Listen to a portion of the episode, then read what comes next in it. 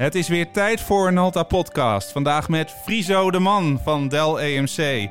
De wereld van informatietechnologie kan een woud zijn van niet te volgen afkortingen, ingewikkelde terminologieën en complexe oplossingen.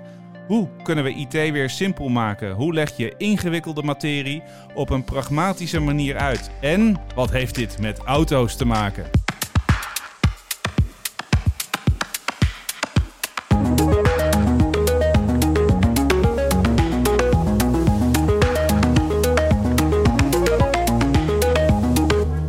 Dit is Nalta Podcast, aflevering 17, opgenomen op dinsdag 13 augustus 2019.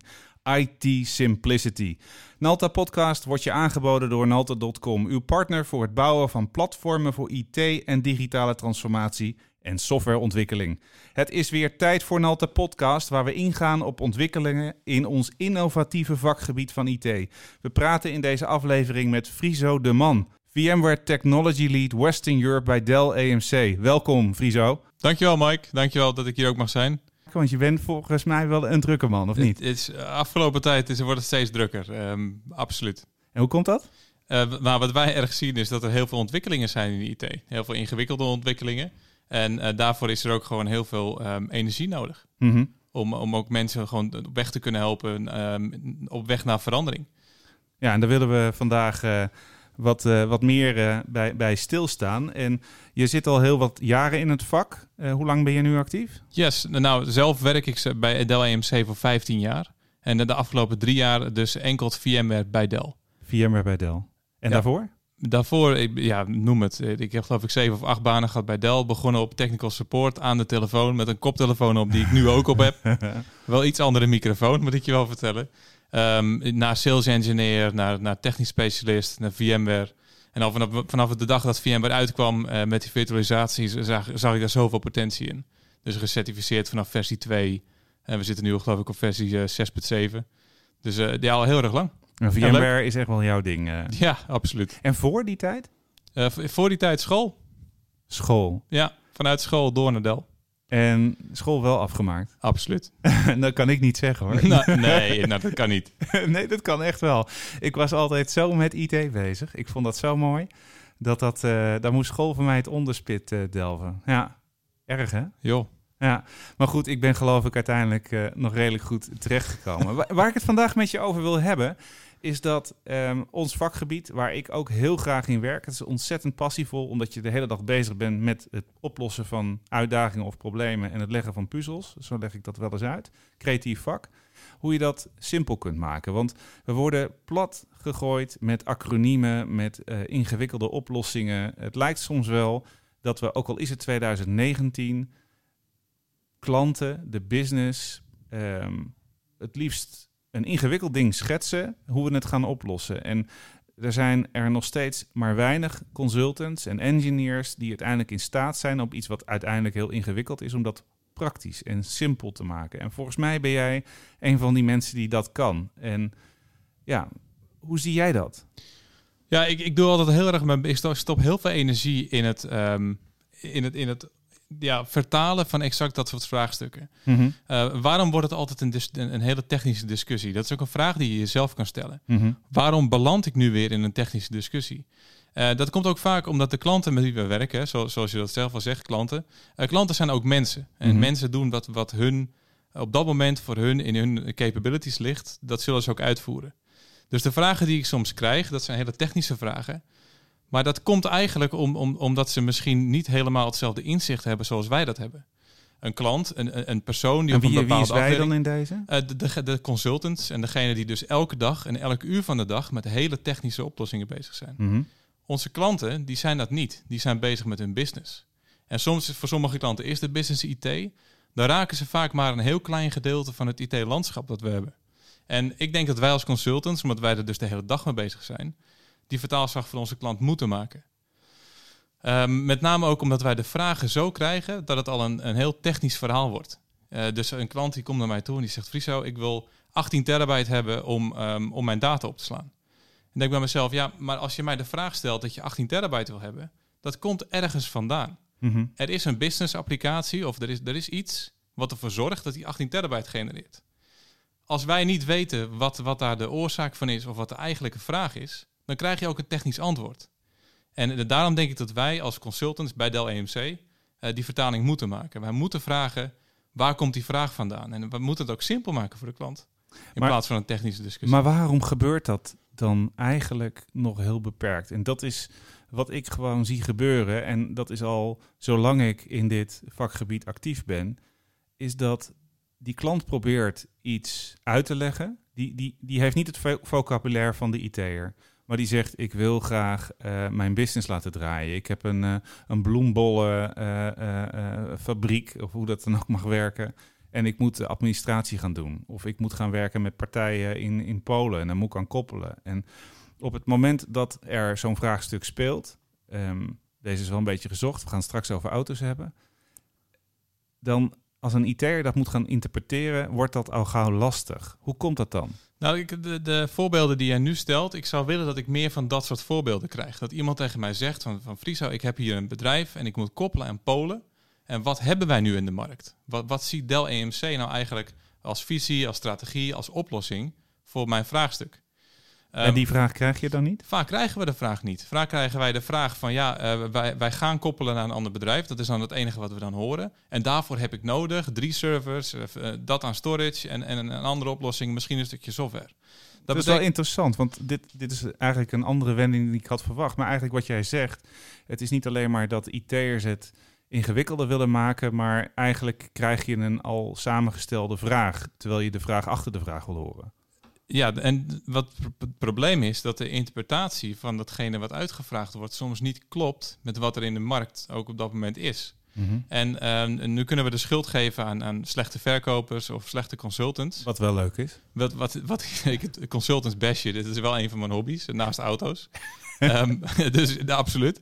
alleen als, als we kijken naar ehm, hoe belangrijk het is dat er een goede vraag komt, uh, daarmee beoordeel je ook hoe, hoe goed, goed, goed die consultancy is. Ik ken echt producten met heel veel potentie die het niet hebben gehaald in de markt omdat ze niet begrepen zijn. Dat zijn uh, flashkaarten waar, die, die, die uitgevonden waren, dat waren de snelste in de markt. En niemand begreep wat die, wat die kaarten werkelijk waar konden doen voor de business. Dus dan, dan is hetzelfde als dat je in de supermarkt loopt en je ziet een nieuw merk. En je denkt bij jezelf, ja, maar ik, heb eigenlijk altijd uh, pindakaas van een ander merk. Maar dat, dat, dat product kan heel goed zijn, maar omdat jij niet weet hoe dat gemaakt is, dat het biologisch is, dat het misschien een fantastisch product is, koop je het niet. En dat is dus omdat, jou, omdat jouw eigen vraag niet juist was. Heb ik pindakaas nodig die biologisch is? Nee, want ik heb mijn andere merk. Terwijl misschien eh, in het einde van de rit is, was die andere goedkoper, beter voor je. Voelde je er beter bij? Je oh. zal het alleen nooit weten. Nee.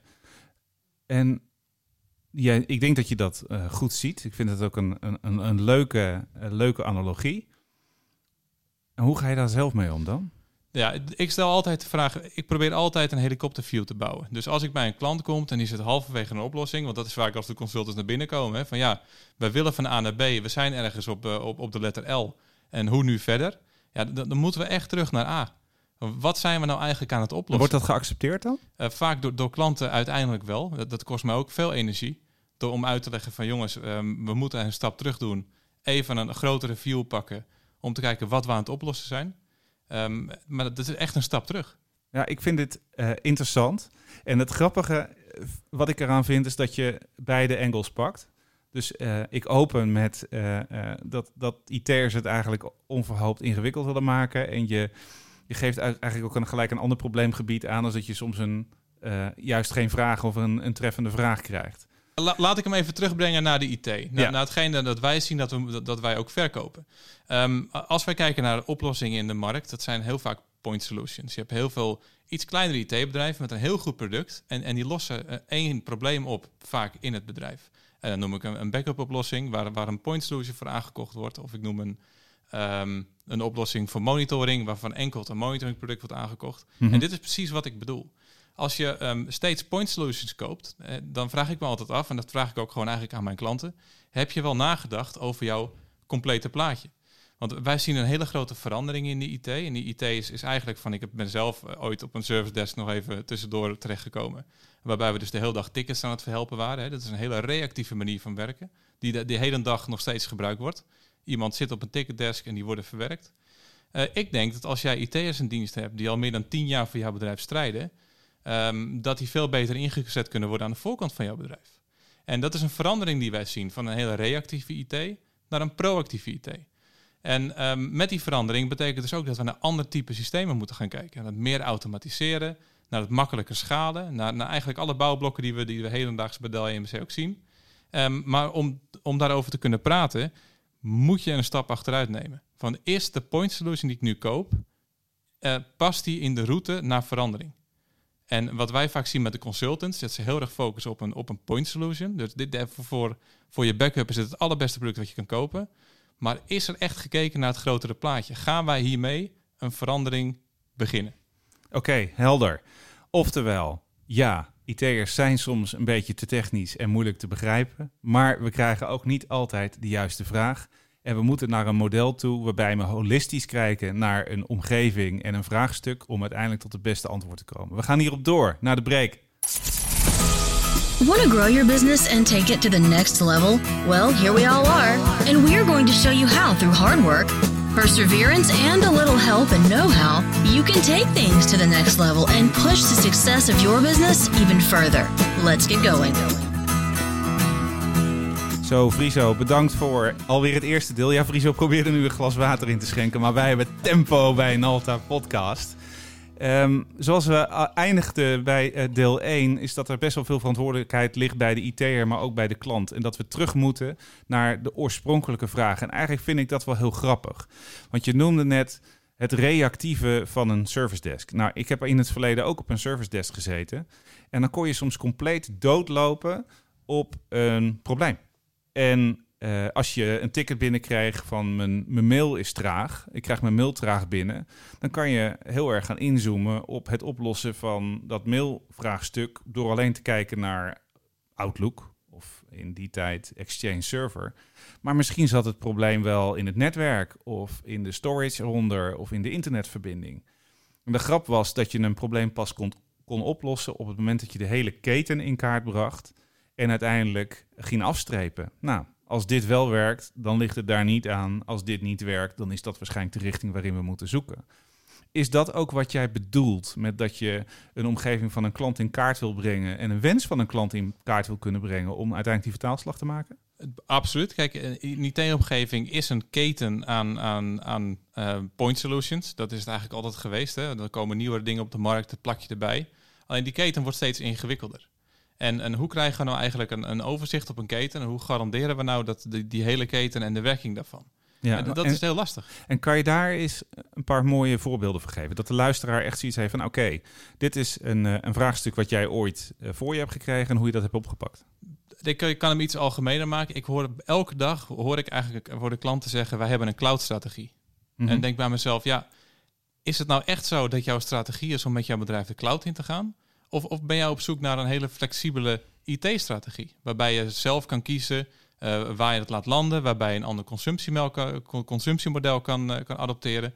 Um, ben je nou echt op zoek naar een cloud-strategie of, of ben je nou aan het rondkijken naar een andere manier van werken? Maar is dat niet een beetje potato-potato? Nee, dat is, niet, dat is dus niet het geval. Um, want die cloud-strategie wil meer zeggen: ik wil naar buiten. Ik wil een gedeelte van mijn IT outsourcen om bijvoorbeeld resources vrij te maken aan de voorkant van het bedrijf. Dat is ook iets wat we graag zien. Alleen wat, er, wat er, de bedoeling erachter en de uitvoering, daar zit heel veel verschil in. Mm Dus je zegt eigenlijk, uh, ze, ze, horen een kreet, een uh, terminologie, iets wat uh, hot and happening is in de markt. En roepen, dit is wat we willen en hebben niet nagedacht of dat goed past. Exact. Oké, en hoe ga je dan ermee om? Door weer een stap terug te doen. Van waar willen we nou heen? Waar wil je, je bedrijf ook heen? Als wij kijken naar de meest winstgevende bedrijven, dat zijn op dit moment de internetbedrijven. Mhm. Dat zijn de bedrijven zonder uh, ja, logge organisatie. Dat zijn de lichtere bedrijven, die hebben een IT-product. Um, ehm, ja, hoe krijgen wij nou zo'n klant um, met een legacy van misschien wel 50 jaar op hetzelfde niveau als zo'n hagelnieuw bedrijf die alles ja, opnieuw kan bouwen? Mhm. Uh, en dat is een heel moeilijk vraagstuk. Uh, maar dat is wel een vraagstuk waar antwoorden op zijn. En, en om zo'n antwoord te geven, moet je een stap terug doen. Wat ik daarin uh, lastig vind, um, uh, zeg maar de mooiste situatie is een, een klant die, of een potentiële klant die volledig open is in zijn vraagstuk en zegt, nou, dit is mijn probleem, dit is waar ik naartoe wil, dit is wat ik al tegen ben gekomen, wat niet heeft gewerkt, doe, help. breng je kennis en expertise in, ook om dit te structureren en bouw voor mij een, uh, maak voor mij een design voor een nieuwe oplossing.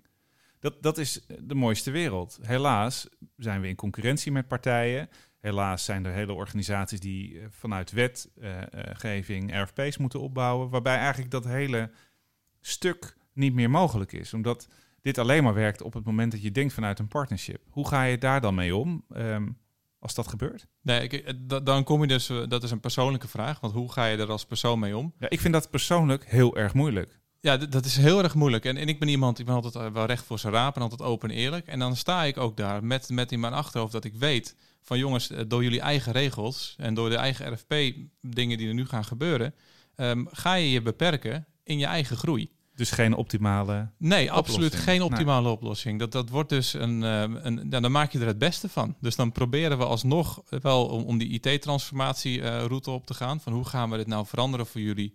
Zodat je meer kan gaan innoveren en toch weer minder met die, met die, met die knopjes bezig bent. Maar dat blijft een moeilijke vraag. En dat kan, dat, dat, ik ben altijd iemand die. Ik, ik geef dan ook gewoon een eerlijk antwoord. Van jongens, met deze regels ga je ga je, je beperken op je, op je weg naar verandering. Ja, en dan is het misschien ook goed dat je geen sales bent. En dat je wel enigszins jezelf in zo'n gesprek naast de klant kunt manoeuvreren. Want dat is natuurlijk de plek waar je wil zitten. Je wil het met de klant doen. En niet als een soort van strijder tegen de klant om de deal binnen te halen. Dat is een, ja, toch een ander vak. Ik denk tien jaar geleden dat het een hele mooie oplossing was. Om toch tegen je klant in te gaan en te vertellen van dat het anders moet. Dat is nu in 2019 niet meer het geval. Nee. Um, wij, wij kwamen elkaar twee weken geleden tegen. Um, en ik, uh, uh, we hebben sowieso altijd een leuk gesprek. En dat gaat dan over VMware en wat er aan ontwikkelingen aankomen. En hoe je uh, dagelijks tegen uitdagingen aanloopt en hoe je daarmee omgaat. Maar we hebben ook een soort van gedeelde passie. En die zijn auto's. En we hadden gekscherend gezegd. Nou, we gaan een, podcast doen over hyperconverge. Nou, dat is nog niet echt gelukt. En we gaan een podcast doen over auto's. Nou, hyperconverge hartstikke interessant. Maar ik heb natuurlijk Remco Donkers al uitgebreid gesproken. Een paar afleveringen geleden. En het vond het in jouw geval interessanter om juist in te zoomen. Hoe maak je nou die vertaalslag van vraag naar oplossing? En ik denk dat we daar al redelijk wat geraakt hebben. Maar hoe gaan we dat autoverhaal hierin knopen? heb je daarover nagedacht? Ik heb erover nagedacht. Mike, ik wil toch heel even terugkomen op het hyperconverge verhaal. Want hyperconverge is een andere manier van denken. Mm -hmm. En dat is een van de, van de manieren die ik dus meeneem in, in mijn, verha mijn verhalen naar, naar de weg naar verandering. Yeah. En hyperconverge is daar gewoon echt een onderdeel van. Dus ook hetgene waar we vandaag over gepraat hebben, hyperconverged, dat, daar valt of staat het eigenlijk wel mee. Tuurlijk. Dan sluiten we dat af. Um, nou ja, niet helemaal. Want dat is misschien niet helemaal duidelijk waarom dat zo is. Kan je dat in twee zinnen schetsen? Absoluut. Kijk, hyperconverged is een, is een term die wij, die wij kennen. Ik vind het eigenlijk best wel een, een hele nare term. Want wat het eigenlijk ja, is... Ja, trouwens, over, over, je bent eigenlijk toch best wel een sales, moet ik zeggen. Maar ga door. nou, dat, hij, kan dat, me, hij kan me net niet slaan. Dat gaat, maar ga door. Nu snap ik waarom die scheidingswand tussen zit, Mike. Um, nee, kijk, hyperconverged, het is een term die, die we heel veel zien en horen in de markt. Uh, toch is het een term die bij een hele hoop van onze klanten niet landt. Uh, die begrijpen namelijk niet zo goed wat hier nou echt het voordeel van is. En um, een van de dingen die, die beperkend is in de IT, is de manier waarop we schalen. En ook de manier waarop hoe we dat automatiseren, mm -hmm. dat schalen.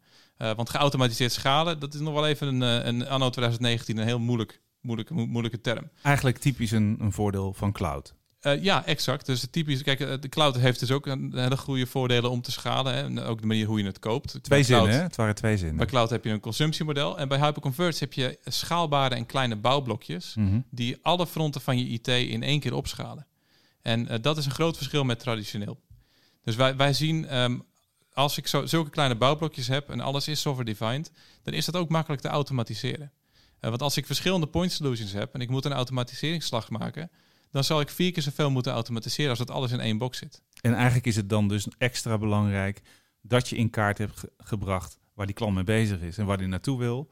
Want alleen dan ben je in staat om die bouw, bouwstukjes, echt die puzzelstukjes op de juiste plek neer te leggen. Als ik een, um, een verandering wil, wil, wil, wil toepassen die, die, die gewoon hele grote impact heeft voor de klant en zijn businessmodel, dan moet je echt een helikopter overview hebben van de omgeving.